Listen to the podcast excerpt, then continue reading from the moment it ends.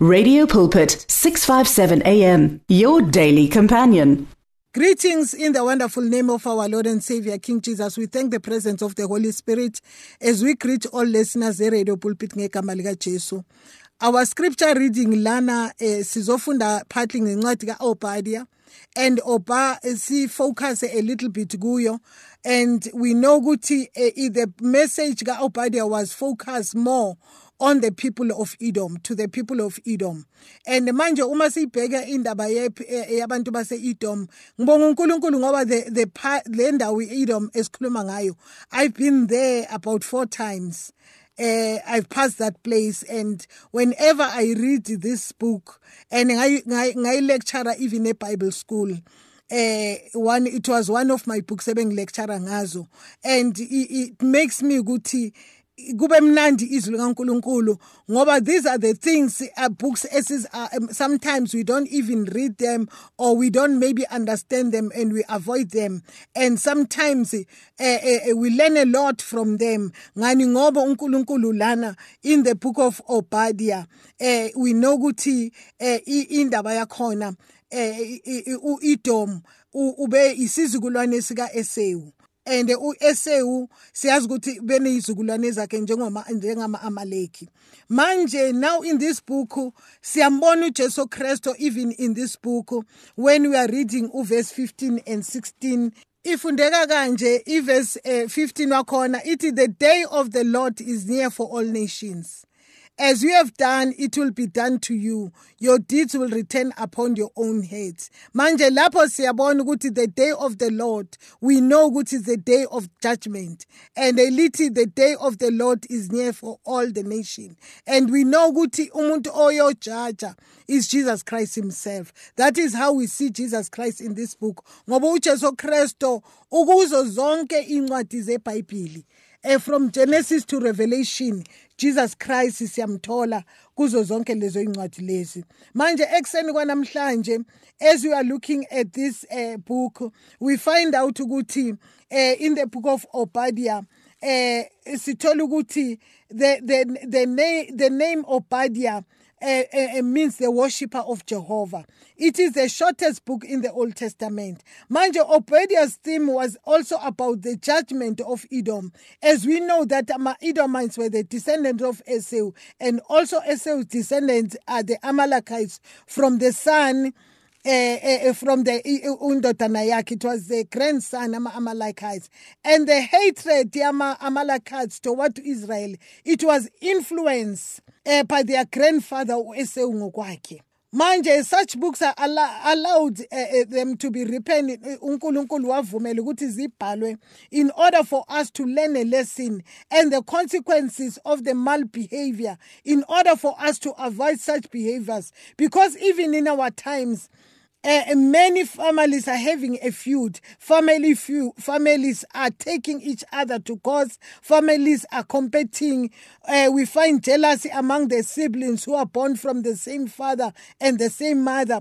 We find parents' favoritism. Manje, this results uh, to cause division among the children by, born by the same parents. Manje siyathola ukuthi ke manje yayibhalelwe yena isizwe sakhe ngani ngoba uma sibheka this was about a family feud a family vendetta. This is the title of my message a family vendetta manje and this family feud started ngesikhathi sika Cain eventually siyazi ukuthi uCain wambulala umfowabo and it started there and we find out ukuthi this thing yama family vendettas it spreads ebhayibhelini and uNkulunkulu uyayiveza and uNkulunkulu eyivezele ukuthi ziyenzeka kufanele ukuthi siyiqaphele lezi zinto. Manje the vendetta between Esau and Jacob started while they were still in their mother's womb. As they grew up we read ukuthi they used to interact uh, with each other. And furthermore we read lapha ukuthi uh, siyathola ukuthi yaqala kuyihumpu kamamabo uRebecca impi yabo. And manje nasebekhuleni kwabo bekukhona idivision inyana ekhona. Omunye enza izinto ngendlela yakhe nangendlela engajatshulelwa abazali bakhe. Manje uma sifunda furthermore kuHebrews chapter 12 uverse 16 wakhona lithi lelizwi Esau was regarded as the godless one. Who sold his birthright as the eldest son for the single meal, and afterwards, when he wanted to inherit the blessing, he was rejected because he never showed remorse. Thou he sorted the blessing with the tears. And in fact, umasibona that story even started there lapha njengoba ngithi yaqala vele kugenesis chapter 26 manje uma sibheka kuverse 34 to 35 wakhona sithola ukuthi manje this eh, eh, eh, family bekuba nefamily bekune vendetta eningi between Esau no no no no brother wakhe uJacob between abazali babo. Ngani? Ngoba lapha izwi kaNkuluNkulu kuGenesis 26:34 to 35 siyathola ukuthi uJudith noBasaneth who were the wives to Esau made ilife ka-esau's mother urebecca and the esau's father in misery according to the word of god. Manje there was no peace kulelo khaya with that family. Ngani? Because the bible iyasitshela ukuthi ubisethi nojudith was a grief eyani yemisery abazali baka Jacob. And uh, imagine ke kube ukuthi bona these two wives zikaSewu they were worshiping another god of the gods of the Hittites. Manje cabanga ukuthi impi beyilapha endlini ngoba laba abakhonza onkulunkulu bambi nalaba abakhonza uNkulunkulu uNkulunkulu kaIsrayeli uNkulunkulu kaAbraham. Manje sekunalabo makoti abakhonza omnye uNkulunkulu. Manje cabanga ifeud ebeyikhona lapho. Izinto abangcwele ezenzakalayo ngasemakhayeni ethu namhlanje uthola ukuthi manje abazali abasaphili kamnandi ngenxa yamakoti abathathiwe. Uyazi ukuthi uthola ukuthi esikhathini esiningi mabegana labantu abancane bathatha ngobuhle bomuntu. Bengabhekanga i-family background yolo muntu amamthathayo ngoba i-family background it counts a lot. Ngoba uthola ukuthi uthatha umuntu ngobuhle i-background yakhe ayikho right. And masenizalwa abantwana sometimes they even result ukuthi babe yenye indlela eningayi-understand ngani ngenxa ye-background labevela khona abazali ba maybe the mother or the father wakhona. That is important. Manje yiko loku no, no Isaka. One time into ayenzile uIsaka is to call uJacob aside and bless and commanded him not to marry the Canaanite woman but rather he, he need to go back to Pardon Aram to take a wife from the family kaBethuel uh, who was their relative. And the manje u-Esau was a son who is like a fool to them. Ngani? Ngoba izwi kaNkuluNkulu lithi kuZakha chapter 17:21 to have a fool as a son brings grief. There is no joy for the father of a fool. Kuverse 25 wakhona lithi a, a foolish son brings grief to his father and bitterness to the one who bore him. Manje here we understand ukuthi uRebecca that is why uRebecca uma ezwa umyeni wakhe uIsaka athi uEsau makayomlandela into azoyihlaba akwazi kumbusisa kwafika ukuthi manje uRebecca ashintsha amakomishi not only because uNkulunkulu wamtshela ukuthi eh i-first i-last born iyona ezobusa i-first born.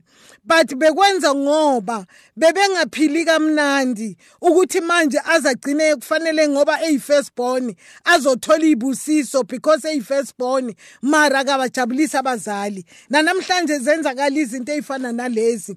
Umuntu aclaim ukuthi ngiyi-first born omnye aclaim ukuthi ngi-last born but uthola ukuthi imisebenzi yabo ayikho mihle ukuthi ukuthi abazali baze bajabule ngabo. Ezenza ukuthi ke manje abantwana abalandela ifirstborn bangakwazi ukubona imikhuba emihle ngoba lo wokuqala kenzi kahle. Manje i-family food never ceased. Eh in the family kaJacob kaJacob eh ifamily kaIsaka ngokwakhe. It continues between uJacob yahamba naye yaya futhi no hamba noJacob yayofinyelela nale kwaLabhani lapho wayithathe khona uRachel noLeah. Ngoba siyayithola ukuthi lapha kuncwadi kaGenesis chapter 30 eh izwi kaNkuluNkulu liyasitshela eh kuverse 1 kaGenesis 30 no verse 14 to 16 lithi leli lizwi uh, when Rachel saw that uh, she was not bearing Jacob any children, she became jealous of her sister. So she said to uh, Jacob, Give me children or I'll die. Manje siyayibona into enjalo ukuthi wathi uRachel makabona lo munye udadewabo ekhona ukuzala lithi waba nomona. Manje siyazi ukuthi umona uma usowufikile kuyaye kube yizinto ezinjani? Sikhuluma ngani namhlanje? Sikhuluma nge-family feud sikhuluma nge-family vendetta sikhuluma ngezinto ezenzakalayo namhlanje. Uthola ukuthi phakathi kwama-families kuba nomona obakhona ukuthi abantwana bakho bona benza ngcono abami abenzi ngcono. Nalo abantwana bakhe benza ngcono abanalento ye-pride yokuthi abakhe benza ngcono. Manje izinto esiyitholayo eh izwi kaNkuluNkulu esibhalela ukuthi sizibheke lezi zinto ngoba ziyingozi manje uma sifunda khona lapha kuGenesis 30 uverse 14 to 16 wakhona sithola ukuthi manje eh lithi izwi kaNkuluNkulu during wheat harvest Reuben went into the fields and found some mandrake plants which he brought to his mother Leah Rachel said to Leah, Please give me some of your son's mandrake. But she said to her, Was it in enough that you took away my husband? Will you take my son's mandrakes too? Very well, Rachel said, He can sleep with uh, he can sleep with you tonight in return for your son's mandrake. So when Jacob came uh, in from the fields evening, Leah went out to meet him. You must sleep with me, she said. I have hired you with my son's mandrakes. So he slept with her that night. Manje siyabona ukuthi eh kwakuno family feud eh, eh, eh khona kuIsaka eh no nakuRebecca nakuba bomakoti siyafika manje kuJacob iba khona manje sekethatha abafazi sithola ukuthi manje ikhona now as we are going to touch eh, the book of Obadiah yilezi zinto ze-family feud ezenzekile ukuze nale ncwadi ibhale. Manje in the book of Obadiah there are important lessons we can learn. Uh, number one a lesson about family feud. Number two ukuthi pride goes before the fall. Uh, we'll see it as we read siloku sihamba. Manje again ilesson esingayifunda kule ncwadi uh, is about a self confidence another lesson enikezwayo ku book of Obadiah uh, it's a method of dealing out with wrath. Another lesson esifundayo is the lesson of hope in the dark hour. Manje yiko lokho esisifundayo kule ncwadi. Sisaqhubeka ngayo yona le ncwadi Obadiah. Verse 8 uh, until 15 Little lelizwi from verse 8 until 15 in that day declares the lord will i not destroy the wise men of edom men of understanding in the mountains of Esau. Manje siyabona ukuthi uNkulunkulu uthini la? Uthi in that day lithi zikaNkulunkulu I will destroy the wise men of Eden men of understanding in the mountains of Esau. Manje lapho there were people who were very uh, wise. As I say if you've been to that area you'll see the wisdom eyenziwe nalapho. Even mawubheka nepetra le khona le ndawo kuthiwa yipetra one of the seven wonders ezama emnabathenian eh these were the areas bekuhlala bona abantu base bakwa Edom uma ungayibheka even nakulento uma uyigugula uyibheka ukuthi e, e, iPetra abantu abane wisdom bebengakhi bebengakhi ngelitshe instead bebelikapa ilitshe balivule kube nendlu balivule balenze kube there was a kingdom bephezulu kwentaba. Enamatshe and elitsheni bebengabeki ilitshe phezu kwelitshe instead bebekheva yona lentaba bakhona ukuthi bayenze e, e, kuthiwani indawo yokuhlala bayenze into ezihlukile ezi-very wise manje uthi unkulunkulu um uma ekhuluma in that day declares the lord I will not destroy the wise men, or will I not destroy the wise men of Eden? Men of understanding. These were men of understanding. Yiko lokhu ngithi manje we are learning ukuthi pride goes before the fall. Ukuthi because of the understanding bekunayo le pride yokuthi siyazi. Manje kuverse 9 ithi your warriors o timna will be terrified and everyone in esau's mountain will be cut down in the slaughter everyone in the in Esau's mountain will be cut down in the slaughter. Ngithanda ukuthi laba bantu bangcwele bebehleli phezukwentaba izindlu zabo yonke into yabo ibiphezulu. And abazitshela ukuthi akekho umuntu ongafika la. Ubani ongafika la? Angeke afike. Sisafe la sikhona. But manje izwi kaNkuluNkulu la uthi and everyone in, in Esau's mountain will be cut down in the slaughter because of the violence against your brother Jacob. Manje siyabona kuverse 10 uthi uNkulunkulu into engiyenzayo is because you are violent against your brother Jacob. You will be covered with shame you will be destroyed forever.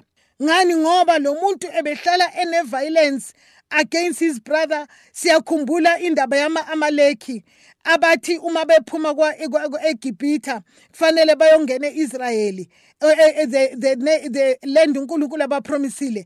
The Amalekites were standing on their way. They were trying to stop them. They were violent against them. Even bebelwa njalo bemlwisa because of bitterness. Eyafakwa uyu Esau eyifaka kwizizukulwane zabo Amalekites ezifaka ngoIsrayeli. But uNkulunkulu uthi because of the violence against you brother Jacob you'll be covered with shame. You'll be destroyed destroy forever. Manje kuvesi eh, eh, eh, 11 wakhona lithi on that day you stood aloft while strangers carried off his wealth and foreigners entered his gates and cast lots for Jerusalem. You were like one of them. Siyabona manje ukuthi kube kwenzakalani. Uma sibheka lana sithola ukuthi uma uIsrael sekethathwa eyiswa kwi-exile the people who were laughing against uIsrael the people who stood with uh, the enemies against Israel it was their brother uEsau. Manje uNkulunkulu uthi ngasikhathi behamba baye eIsrael wena wawukhona uhleka ujabulile eh umelene nabo. Uthi manje ngalokho ngoba uye wakwenza mina I'm going to cut you off. Manje izwi kaNkulunkulu ekseni kwanamhlanje siyathola ukuthi izwi kaNkuluNkulu lapha kuDeuteronomy 2 kuverse 5 ithi do not provoke them to war for I will not give you any of the land nor even enough to put your foot. Ngoba uNkulunkulu uthe mabedlula lapho wabatshela wathi bantwana bakaIsrayeli uma nidlula endaweni kaSewu ningakenzi lutho. Ngani? Ngoba uEsau ngimnikeza indawo lapho esiye but bona bayajika they are standing against uIsrael abafuni nokuthi adlule. Manje uNkulunkulu lana ebebhala ngendaba yefamily feud ukuthi manje uma kuvela kubi kwifamily yakho ungayifunda lencwadi iyasitshela ukuthi babehleka bejabulile. Nanamhlanje sisakwenza lokho. One of our families makuvele into siyahlekisa ngabo eh, eh, nakabantwana babo sigabisa ngabethu. Ngoba nabo bebegabisa ngeintelligence yabo. Begabisa ngoba bona ukhumbula zange baye eGibhitha. Bahlala lapho ba improve baba nezinto. But bemelene noIsrael manje kuseni kwanamhlanje sikhuluma ngefamily feud. Ukuthi manje isikhathi sethu sesiphelile kodwa we've got a lot to say but sishaywe isikhathi ukuthi sifunde ukuthi masingalwisani emakhaya nabofowethu nabodadewethu ngoba uNkulunkulu uya intervene eme alwe adefende omunye phakathi kwethu ngoba uNkulunkulu uhlola inhliziyo Father God, in the mighty name of Jesus Christ, we are praying this morning. Baba e, kukhona e, e, family feud family vendetta kulemizi abantu baxabanela amakhaya baxabanela izindlu zabazali babo baxabanela izinto abangazange bazisebenzela. Baba zikhona bayisana emakhoti kuyazondwana uNkulunkulu othembekileyo. Baba incwadi kaObadia uNkulunkulu wayibona ukuthi ulwela uIsrayeli ngenxa kamfowabo oEsau obemlwisa waze wafundisa nabazukulu uNkulunkulu ukuthi balwisane noIsrael nanamhlanje khona emakhayeni ethu ukuthi manje uma singafuni omunye wephathi efamily sifaka nalo moya kubazukulu bethu nabantwana. Uthola ukuthi kunalento iyahamba iye ku generation to generation. We are praying and we cut those line we disconnect those line ngegama lika Baba makukhona okhona okunjalo we are praying for irreconciliation and forgiveness among them. Umoya webitterness yawukhatha ngegama amen. The words of the Lord are words of life. Your heart is on 657 AM 657 AM radio for believers in action